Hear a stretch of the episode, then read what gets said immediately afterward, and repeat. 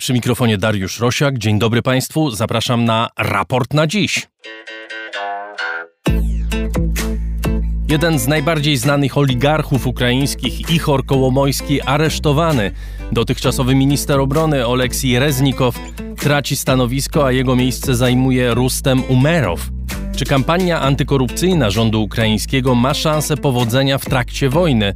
I jaki cel ma powołanie muzułmanina, krymskiego Tatara, na jedno z najważniejszych stanowisk w kijowskiej administracji? O tym w raporcie na dziś, 6 września 2023 roku. Raport na dziś to niewakacyjna odmiana raportu o stanie świata. W wakacje mieliśmy sezon nieogórkowy, teraz środowy raport to właśnie raport na dziś. Wszystkie nasze programy powstają dzięki Państwa wpłatom, za co z serca dziękuję. A jeśli ktoś chciałby dołączyć do grona patronów raportu, zapraszam na mój profil w serwisie patronite.pl. Za jego pośrednictwem najłatwiej nas wesprzeć. Nasz adres ciągle ten sam, raportrosiaka.gmail.com. Adres naszej strony też niezmiennie raport o stanie świata.pl. Adrian Bąk, wydawca programu i Chris Wawrzak, realizator dźwięku w reżyserce Studia Efektura. Zaczynamy! Moim gościem jest dziś Zbigniew Parafianowicz z Dziennika Gazety Prawnej. Witam cię, dzień dobry. Dzień dobry. Ichor Kołomojski, magnat, y, przedsiębiorca, opiekun biznesowy ponoć Wołodymira Załęskiego, jeden z tych oligarchów ukraińskich, który nie uciekł za granicę, choć ma dwa paszporty, w tym bardzo mocny paszport izraelski, objęty sankcjami amerykańskimi, pozbawiony obywatelstwa przez Załęskiego, zostaje aresztowany pod zarzutem wyprowadzenia z kraju 14 milionów dolarów. O co w tym chodzi? Trzeba brać pod uwagę kontekst wyborczy i to, że Kołomojski potencjalnie mógłby zostać sponsorem jakiegoś projektu, który byłby konkurencyjny wobec e, Zełęńskiego. Oczywiście e, to nie jest tak, że pewnego dnia Zełęński się obudził i zrozumiał, że, e, że Kołomojski to jest oligarcha, który nakradł się w swoim życiu. To jest naiwna interpretacja rzeczywistości. Sam Zełęński jest, był pewnego rodzaju no, eksperymentem swego czasu u Kołomojskiego. To Kołomojski go wymyślił. To Kołomojski stworzył projekt projekt Zełęński. E, no ale teraz e, te role się odwracają. Zełęński po tym, jak wszedł na bankową, jak e, zobaczył te swoje prezydenckie biurko, zapragnął niezależności, no i teraz próbuje tą niezależność spuentować. To nie jest pierwszy akt, taki nieprzyjacielski akt, który ze strony Zełęńskiego jest wysyłany do, do, do. On systematycznie próbował osłabiać jego wpływy jako oligarchy, jako kogoś, kto potencjalnie może być zapleczem finansowym i logistycznym dla projektu konkurencyjnego w razie e, walki o reelekcję. No także w, tym, e, w takim kontekście trzeba te wydarzenia czytać. No, oczywiście w przypadku Kołomojskiego e, wszystko, co trzeba, się znajdzie w wymiarze sprawiedliwości do tego, żeby go posadzić za kratami. To jest w, no, bez problemu. To jest historia biznesu, który jest pełen różnych ciemnych stron. To, co podzieliło Kiedy on wypłynął? Czy on wypłynął tak jak ci wszyscy oligarchowie oligarchowie byli radzieccy w 90 latach na po prostu rozkradaniu majątku sowieckiego? Tak, no Kołomojski jest takim klasycznym przykładem starego ukraińskiego oligarchiatu. To jest człowiek, który się po prostu uwłaszczał na państwie i uwłaszczał na tym, co z tego państwa e, pozostało po rozpadzie e, Związku e, Sowieckiego. On przede wszystkim wszedł w sferę bankową, w, w, w sektor finansowy, był właścicielem prywatbanku, prywatbanku, który zresztą podzielił go właśnie z, z. Deal pomiędzy Zełęńskim jako kandydatem na prezydenta, a Kołomojskim jako oligarchą polegał na tym, że Zełęński po objęciu władzy miał ten bank przekazać, znowu e, sprawić, żeby za pomocą regulacji e, przyjętych przez parlament ukraiński i Sługę Narodu ten bank z powrotem wrócił w ręce Kołomojskiego, bo przypomnijmy, krótki taki rys historyczny. E, w, w pewnym momencie prywat bank był bliski bankructwa i został poddany bailoutowi przez państwo ukraińskie. To Znacjonalizowany został. Znacjonalizowany, dokładnie, w czasach rządów Poroszenki. I no, Kołomojski oczekiwał, że Zełęński po przejęciu władzy, no ten bank mu po prostu odda z powrotem w, w jego ręce. Już bank dokapitalizowany, w, wyczyszczony z, w, ze złych długów, e, przejdzie z powrotem w ręce e, oligarchy. Tak się nie stało, co spowodowało, było, było takim kazus belli, jeśli chodzi o relacje pomiędzy obydwoma e, dżentelmenami. No ale w, w efekcie tego Kołomojski zaczął rozpatrywać różne inne opcje, jeśli chodzi o rywalizację z Zełańskim na scenie politycznej, czyli finansowanie potencjalnych jego rywali. W związku z tym no, no musiał pójść po prostu do do aresztu. To jest, I oczywiście to jest doskonale też legendowane przez Zełęńskiego właśnie w proces deoligarchizacji, który rzeczywiście na Ukrainie trwa. Natomiast nie jest to proces jednoznacznie czysty i do końca ze szczerymi intencjami. To zaraz do tego przejdziemy, tylko jeszcze przy Kołomojskim zostańmy. Chciałem się ciebie spytać o to, jak wygląda jego zaangażowanie w wojnę. Czy to jest jasny, czytelny sygnał, że on stoi po stronie Ukrainy? Podobno to dzięki niemu po 2014 roku Dnipro i cały w ogóle region dnipropietrowski pozostał w ręku Ukraińców. Tak się mówi. Z drugiej strony to jego stanowisko wobec Rosji nie jest, to mówią inni, nie jest do końca jasne, nie jest do końca czytelne. Z trzeciej strony nie uciekł, choć mógłby nie uciekł z Ukrainy, jak wielu jego kolegów oligarchów. To prawda, to jest e, rzeczywiście e, specyficzna postać. 2014 rok tutaj jest e, szczególny i trzeba oddać mu to, że dzięki jego zaangażowaniu w państwo i miasto wówczas Dniepropietrowsk i Odessa też w dużej mierze nie odpłynęło od Ukrainy. Rosjanie bardzo dużo inwestowali w to, żeby wywołać rebelię antyukraińską w Odessie.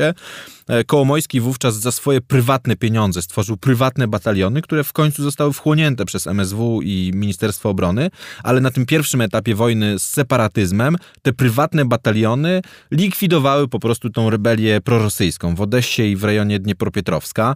No, w Odessie często w sposób bardzo brutalny, wywożąc, krótko mówiąc, e, do lasu ludzi, którzy, w, którzy reprezentowali ten e, separatystyczny e, sentyment. Także w takim brutalnym ujęciu, no, dzięki Kołomojskiemu rzeczywiście te dwa istotne miasta dla Ukrainy nie odpłynęły. Oczywiście on tego nie robił z takiej, z jakiegoś głębokiego przekonania o tym, że e, Ukraina to wspaniałe państwo i warto w nie inwestować. To, jest, to była kwestia ochrony jego własności, jego majątku, jego interesów, jego dostępu do portów e, w Odessie, e, czy też dostępu do tych wszystkich interesów, które wynikały z dostępu do portu. To jest, tutaj można podać przykład Achmetowa, który w wyniku wojny rosyjsko-ukraińskiej utracił w Mariupolu ogromną część swojego majątku, między innymi kombinat Azovstal i jedną z największych przedsiębiorstw metalurgicznych w Europie i dostęp do Morza Azowskiego, przez który ta stal szła w świat. Także to pokazuje tą taką rzeczywistą motywację, która stoi za oligarchami. I w ogóle oligarchowie, ci starzy oligarchowie, tacy jak Pinczuk, jak Kołomojski, jak Achmetow, z jednej strony byli chorobą państwa, która powodowała, że to państwo było niekonkurencyjne i nie mogło się rozwijać w sposób taki e, w, w rozumieniu zachodnim, ale z drugiej strony oni byli gwarantami suwerenności Ukrainy, bo oni woleli być pierwszym, drugim, trzecim czy dziesiątym oligarchą na Ukrainie niż dziesiątym 50, setnym, 150 w Rosji. Także to jest e, taki brudny kompromis, który został zawarty pomiędzy elitami e, ukraińskimi, że z jednej strony był to model antyrozwojowy, ale z drugiej strony gwarantujący suwerenność. Wspomniałeś kilka nazwisk, e, Achmetow czy Pinczuk. Można dorzucić takie nazwiska jak Firtasz czy Żewacho. To są ludzie, przeciwko którym toczą się dochodzenia, toczą się sprawy karne na ile ta kampania antykorupcyjna rzeczywiście postępuje. Bo kiedy patrzymy na statystyki, znowu też nie trzeba się bardzo mocno wpatrywać w te statystyki, ale Ukraina ciągle pozostaje chyba na 116 miejscu, jeśli chodzi o korupcję na 180 krajów sklasyfikowanych, więc y, to postępuje być może, ale trochę słabo, czy nie? Słabo, zdecydowanie był bardzo długo był, był problem z wyłonieniem na przykład szefa NABU, czyli szefa e, służby antykorupcyjnej, która została zbudowana we współpracy z Amerykanami i z Unią Europejską. Cały ten, cała ta architektura antykorupcyjna na Ukrainie, ona rodziła się z wielkimi bólami, natomiast no w końcu z grubsza ta architektura zafunkcjonowała na Ukrainie. Ale jeżeli prześledzimy statystyki, na przykład działania NABU czy sądów antykorupcyjnych na Ukrainie, to ciągle są to pestki. To są ciągle e, w wyroki, czy też e, sprawy prowadzone przez NABU, które są w, no, w marginalne w gruncie rzeczy. To nie, są, to nie są sprawy o wielkie pieniądze, jeżeli przeanalizuje się to w liczbach bezwzględnych. Natomiast jeśli chodzi o dojazd oligarchów, to ten klucz jest bardzo wyraźny dla Załęskiego. To jest dojazd tych, którzy nie są z nim. E, w ubiegłym roku na przykład został zatrzymany Bohusłajew. To jest taki lokalny oligarcha z Zaporoża, który był właścicielem zakładów Motor Siege. Oczywiście to był też człowiek pivotalny i potencjalnie on został w ogóle oskarżony o zdradę. On w, po 2014 roku na przykład e, remotoryzował albo, albo też tworzył silniki do rosyjskich e, śmigłowców K-50, także to też jest paradoks, tak? Z jednej strony wojna z separatyzmem, z drugiej strony oligarcha, który robi interesy z Rosjanami w przemyśle obronnym. To był zresztą bardzo ciekawy model działania, bo on przez Bałkany po prostu dostarczał pewne komponenty dla Rosjan. No niemniej jednak to nie był jednoznacznie prorosyjski oligarcha. Był po prostu właścicielem miasta Zaporoże, całego tego regionu, łącznie z zakładami Motor Siege, hotelami, restauracjami, nieruchomościami e, i nie był z, nie był z Zełęskim, krótko mówiąc. I Zełęski jakby korzystając z okazji wojennej, z tego, że Zaporoże jest kluczowym miastem i dla prowadzenia kontrofensywy na południu, i dla utrzymania terenów e, ukraińskich na południu, po prostu go aresztował za pośrednictwem SBU, e, korzystając tak naprawdę też z prawdziwych przesłanek, no czyli z tego, że Bohusłajew był po prostu człowiekiem zaangażowanym w, we współpracę z Rosjanami swego czasu. Ale no to jest tak naprawdę czyszczenie tego przedpola i czyszczenie regionów, czyszczenie e, przedpola przedwyborczego. To samo dotyczy Kołomojskiego, Firtaszem z kolei zajmuje się FBI, także no to jest z, z grubsza działanie przeciwko potencjalnym rywalom. I z tego wynika również neutralność państwa ukraińskiego wobec niektórych innych oligarchów, prawda? No. Poroszenki się nie rusza, Achmetowa się nie rusza. Poroszenkę się ruszało. To, on został zdyscyplinowany. Zresztą osobiście nadzorował to Andrii Jermak, czyli szef e, biura Zełańskiego. Jemu w ubiegłym roku odebrano paszport, były takie przepychanki związane mm. w, z tym, co on robi, no bo on też jest potencjalnie w grze, jeśli chodzi o stanowisko, o, o rywalizację o prezydenturę. To samo dotyczy Kłyczki, czyli mera Kijowa, który, w, którego też próbuje się dyscyplinować na przykład oskarżeniami o to, że nie otwiera schronów wtedy, kiedy potrzeba. Także to jest, e, na każdym kroku widać ten ślad e, rywalizacyjny i, i i, takiego czyszczenia właśnie pola przed, przed walką polityczną. A czy państwo ukraińskie w tej chwili produkuje własnych oligarchów? To znaczy, czy Załęski tworzy wokół siebie grupę ludzi, na których będzie mógł polegać później? Próbuje tworzyć, ale oczywiście te zasoby państwa ukraińskiego się kurczą wraz, wraz z wojną. Cały ten model, znaczy w ogóle jest pytanie o model rozwojowy Ukrainy jako państwa. To jest, e, Ukraina powoli zmienia się w państwo e, klienta. Z jednej strony ma pewne zasoby, na przykład ma przemysł rakietowy, buduje własne pociski, co jest jakby dowodem pe, pe, pewnej takiej sprawności funkcjonowania, ale z drugiej strony jest na kroplówce Międzynarodowego Funduszu Walutowego i Unii Europejskiej, tej finansowej kroplówce, a z drugiej strony zbrojeniowej kroplówce ze strony Stanów Zjednoczonych. I to są, tylko ci przerwę, to są kroplówki, które nie tak łatwo kontrolować, prawda? To znaczy raczej Unia Europejska czy Stany Zjednoczone będą kontrolowały te środki, Zgadza a nie się. Zełęński i jego otoczenie. Zgadza się. Nikt, e, nikt tych sum w, w dużym zakresie nie pozwoli rozkraść, przynajmniej będzie starał się tego e, pilnować. Natomiast e, Zełęński próbuje budować taką nową klasę, e, nowy typ klientelizmu. Przy czym to są już ludzie nie tak bogaci jak ci, którzy byli do tej pory na Ukrainie. To są przede wszystkim agrooligarchowie, no stąd ten spór też z Polską prawda? Bo to jest tak, że e, agrooligarchowie są silnym zapleczem Zełęńskiego e, i to są pieniądze, które gdzieś tam e, za nim stoją. To są też ludzie działający w sferze e, de, de, deweloperskiej.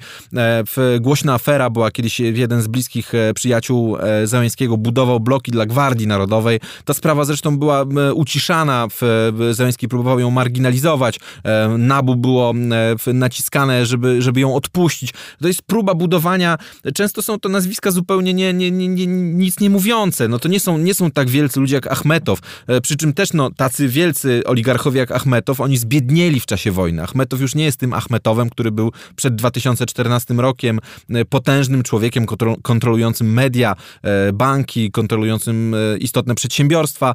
Natomiast no, te, też u starych oligarchów widać taką wolę zmiany modelu biznesowego. Na przykład Achmetow wchodzi w odnawialne źródła energii, czyli w takie modne zagadnienia we, we, we współpracy z państwami Zachodu. On próbował swój biznes przenieść do Unii Europejskiej, w, w Polsce rejestrować swoje spółki, żeby właśnie uciec spod tego topora zamiańskiego, który próbuje oligarchów e, dyscyplinować, próbuje ich wziąć, krótko mówiąc, pod kontrolę. Przejdźmy do drugiej ważnej informacji personalnej ostatnich dni. Oleksij e, Reznikow, człowiek, który chyba w dużym stopniu kształtował obraz obrony Ukrainy ostatnich dwóch lat, zwłaszcza za granicą, został zwolniony ze stanowiska. Jemu samemu korupcji się nie zarzuca, chociaż to zwolnienie też w kontekście korupcyjnym czasami jest omawiane. Jego otoczeniu już się zarzuca. O co chodziło? Taką bezpośrednią przyczyną były dwie głośne sprawy dotyczące różnych e, przekrętów w Ministerstwie Obrony. To była kwestia zawyżania cen e, posiłków dla, dla wojska, a druga to zakupu kurtek e, letnich w cenie zimowych, czyli no też jak na Ukrainę powiedzmy sobie uczciwie, no to nie jest... To nie, nie są jest, duże sprawy. Oczywiście, to nie jest szczyt możliwości ludzi, którzy, którzy przekręcali ogromne sumy w, w, w różnych czasach. Także tu też jakby tłem pozbycia się Reznikowa jest to, że on nie był do końca człowiekiem prezydenta. Nie, był, nie, nie, nie można było w pełni na niego liczyć jako lojalnego partnera w polityce. On w 2004 roku, to jest prawnik w ogóle, prawnik z Lwowa, on jest, e, był w ekipie Juszczenki w 2004 roku, był prawnikiem, który e, walczył o unieważnienie drugiej tury wyborów podczas pomarańczowej rewolucji, także związany z tymi starymi elitami pomarańczowymi. Człowiek bardzo zamożny, który już się nakradł. On nie potrzebował teraz kraść w czasie, w czasie wojny. E, no ale osoba też związana później już po odejściu z ekipy Juszczenki, gdzieś dalej e, z ludźmi, dawnymi Juszczenkowcami, z Udarem. To jest, e, był taki szef Służby Bezpieczeństwa Ukrainy w czasach e, Juszczenki po, po 2004 roku, Wałentynna Uwejczenko, taki bardzo proamerykański, z którym też Reznikow był do pewnego stopnia powiązany, czyli z, z takimi udarowcami, ludźmi kłyczki.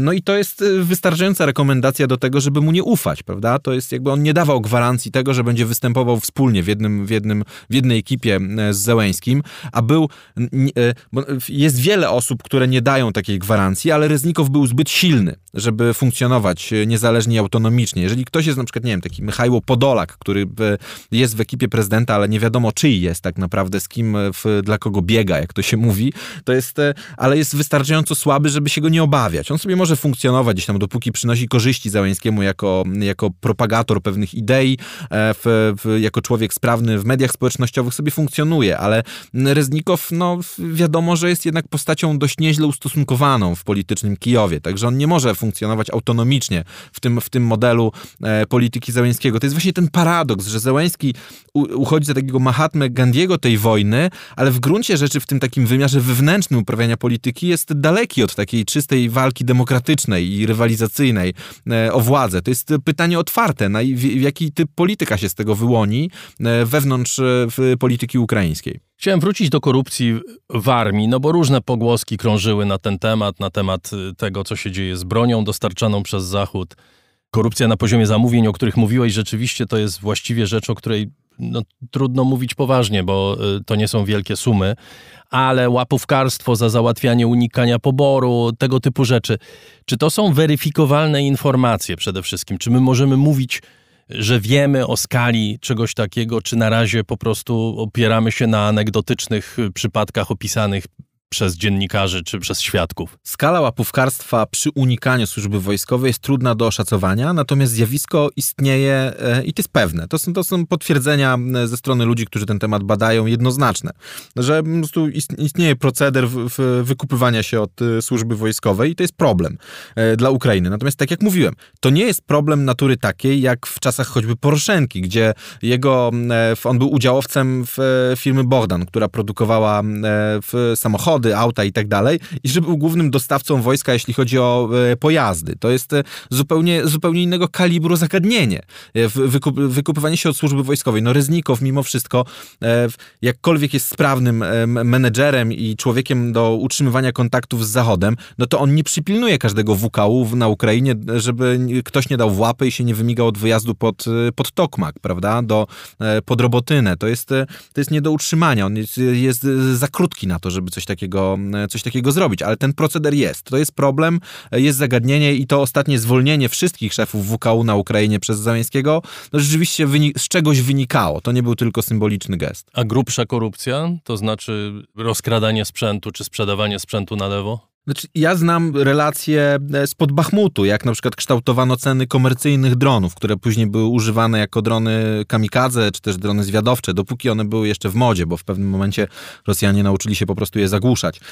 To były ceny no, wielokrotnie wyższe od cen rynkowych. Zdarzały się przypadki, że docierał dron, który był kupiony przez organizację humanitarną, a potem no, po prostu odsprzedawany gdzieś tam w, na, na miejscu, czy kupowany po prostu za publiczne pieniądze za wielokrotnie wyższą cenę. Także tutaj też no wojna trwa od 2014 roku i ta demoralizacja części e, elit wojskowych czy specsłużbowych, ona, ona postępuje.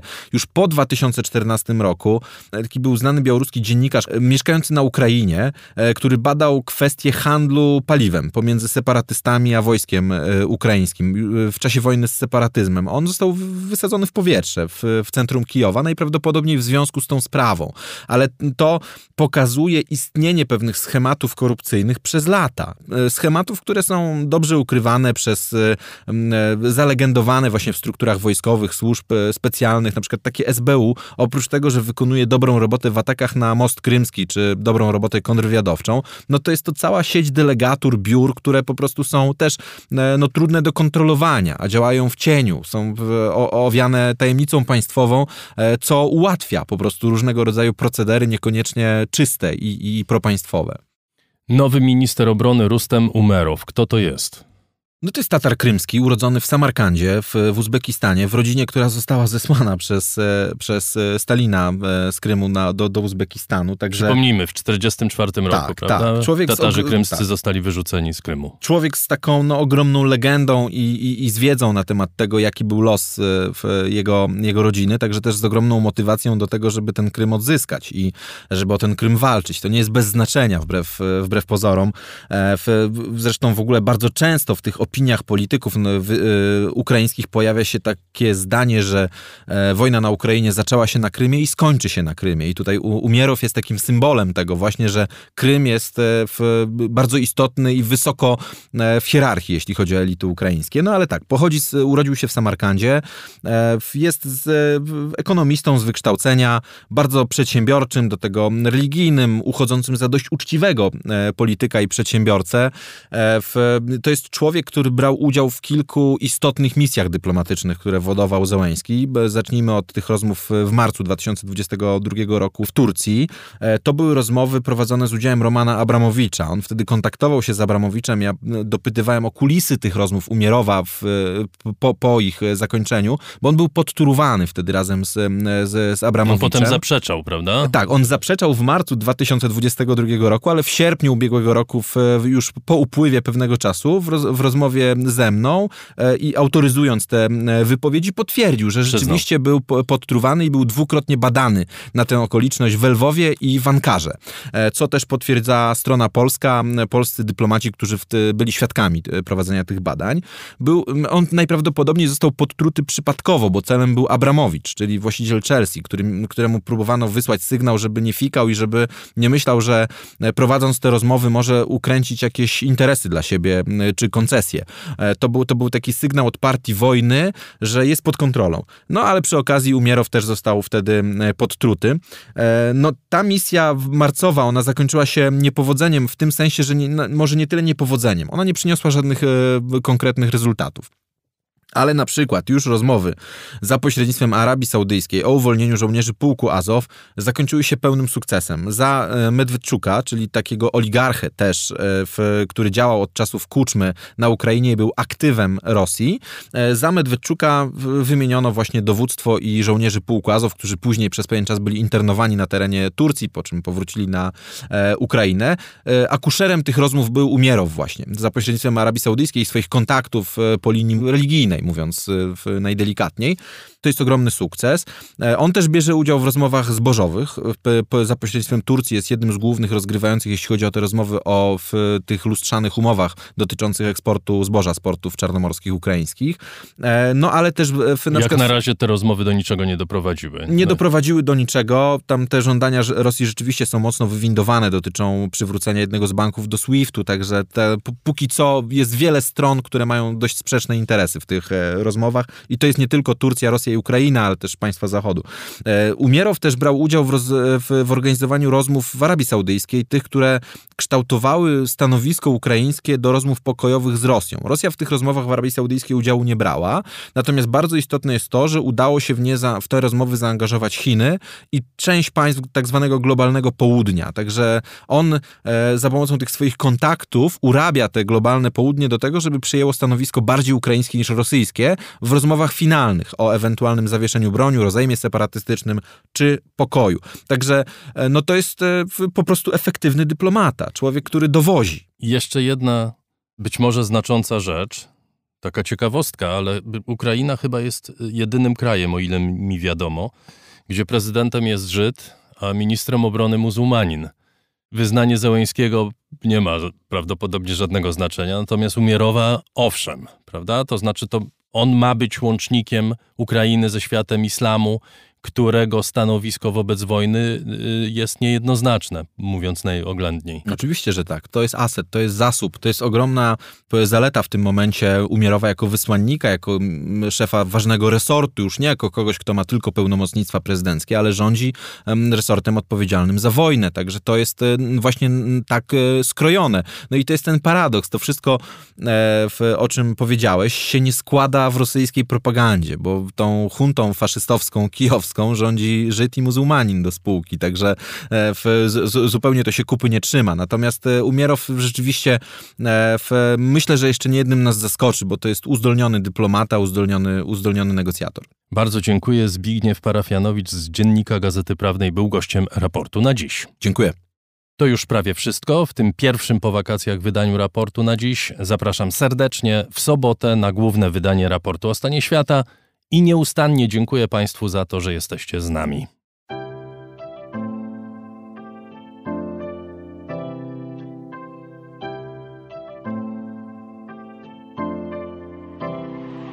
Raport o stanie świata od marca 2020 roku rozwija się dzięki Państwa zaangażowaniu i szczodrości. To dzięki Wam możemy opowiadać o świecie przy pomocy dźwięków Dzięki Wam ten program jest przygotowywany w profesjonalny sposób z zachowaniem najwyższej jakości, bo na nią właśnie zasługują słuchacze raportu o stanie świata. Z serca dziękuję wszystkim Państwu za wpłaty. Wasza hojność jest dla mnie ogromnym zobowiązaniem. Zbiórka na patronite.pl ciągle trwa, zachęcam do udziału. Najhojniejsi patroni raportu o stanie świata to firma Ampio Smart Home Hotel Bania Termal Iski w Białce Tatrzańskiej, oferujący pakiety pobytowe z termami w cenie. Firma doradcza Crido. Galmet polskie pompy ciepła. Sklep internetowy goldsaver.pl, w którym sztabkę fizycznego złota kupisz po kawałku i bez wydawania jednorazowo dużych kwot. KR Group. Firma outsourcingowa www.krgroup.pl Razem w przyszłość. Polsko-Japońska Akademia Technik Komputerowych Warszawa, Gdańsk, Bytom. Michał Małkiewicz. Northmaster, marka łodzi motorowych z Polski. www.northmaster.pl Firma Software Mill. Od zawsze zdalni programują dla całego świata. Dom wydawniczy Muza, bo świat nie jest nam obojętny. Pure Play. Transparentna agencja mediowa digital i doradca w budowaniu kompetencji in-house. Uber. Myślimy globalnie, działamy lokalnie. Wodylla. Platforma streamingowa z unikalnymi amerykańskimi kronikami wojennymi z polskim tłumaczeniem. A także Budros pompy ciepła. Gruntowe pompy ciepła dla budynków przemysłowych i wielorodzinnych. Kompleksowa obsługa. Liceum Błeńskiej, Gdańsk-Kowale. Przemyślana edukacja w dobrym miejscu. Piotr Bochnia. Michał Bojko. CIO Net and Digital Excellence. Łączymy ludzi i idee. Grupa brokerska CRB. Ubezpieczenie należności dla Twojej firmy. Bezpłatne porównanie ofert www.grupacrb.pl Flexi Project kompleksowy i intuicyjny system do zarządzania projektami i portfelami projektów. JMP z miłości do sportu, z najlepszych tkanin w sercu Podhala szyjemy dla Was porządną odzież. Palarnia kawy La Cafo z Augustowa. LSB Data. Dedykowane aplikacje internetowe dla biznesu. Masz pomysł? Zrealizujemy go. lsbdata.com Wydawnictwo Uniwersytetu Łódzkiego. Wydawca książek serii Krótkie Wprowadzenie. Wszystko, co trzeba wiedzieć. Leszek Małecki. MedMi Sklep. Tysiące produktów dla Ciebie na zdrowie. Sprawdź na medmesklep.pl. Aplikacja Moja Gazetka. Polska proekologiczna aplikacja zakupowa z gazetkami promocyjnymi i nie tylko. Moja Gazetka. Kupuj mądrze. Muzeum Kinematografii. Organizator 33. Festiwalu Mediów Człowiek w Zagrożeniu. Firma ODO24. Optymalny kosztowo outsourcing ochrony danych osobowych ODO24.pl. Firma Prosper z Sosnowca, hurtownia elektroenergetyczna i właściciel marki Czystuś. Stratego Group. Pozyskujemy dofinansowanie unijne dla firm i dla osób chcących założyć działalność gospodarczą. Stratego.group. Tixto.pl, niezależny serwis biletowy. Sprzedamy bilety na Twoje wydarzenia kulturalne i sportowe. Drukarnia cyfrowa totem.com.pl. Wspieramy wydawców i self-publisherów. Drukujemy najpiękniejsze książki. Fundacja Wasowskich, opiekująca się spuścizną Jerzego Wasowskiego i wydawca książek Grzegorza Wasowskiego. Szczegóły na wasowscy.com. Michał Wierzbowski. Wayman oprogramowanie wspomagające firmy inżynieryjne w zarządzaniu projektami, stworzone przez polskich inżynierów dla sektora projektowego. www.wayman Software. Zen Market pośrednik w zakupach ze sklepów i aukcji w Japonii. Zen Market JP. Dziękuję bardzo. To dzięki Państwu mamy raport o stanie świata.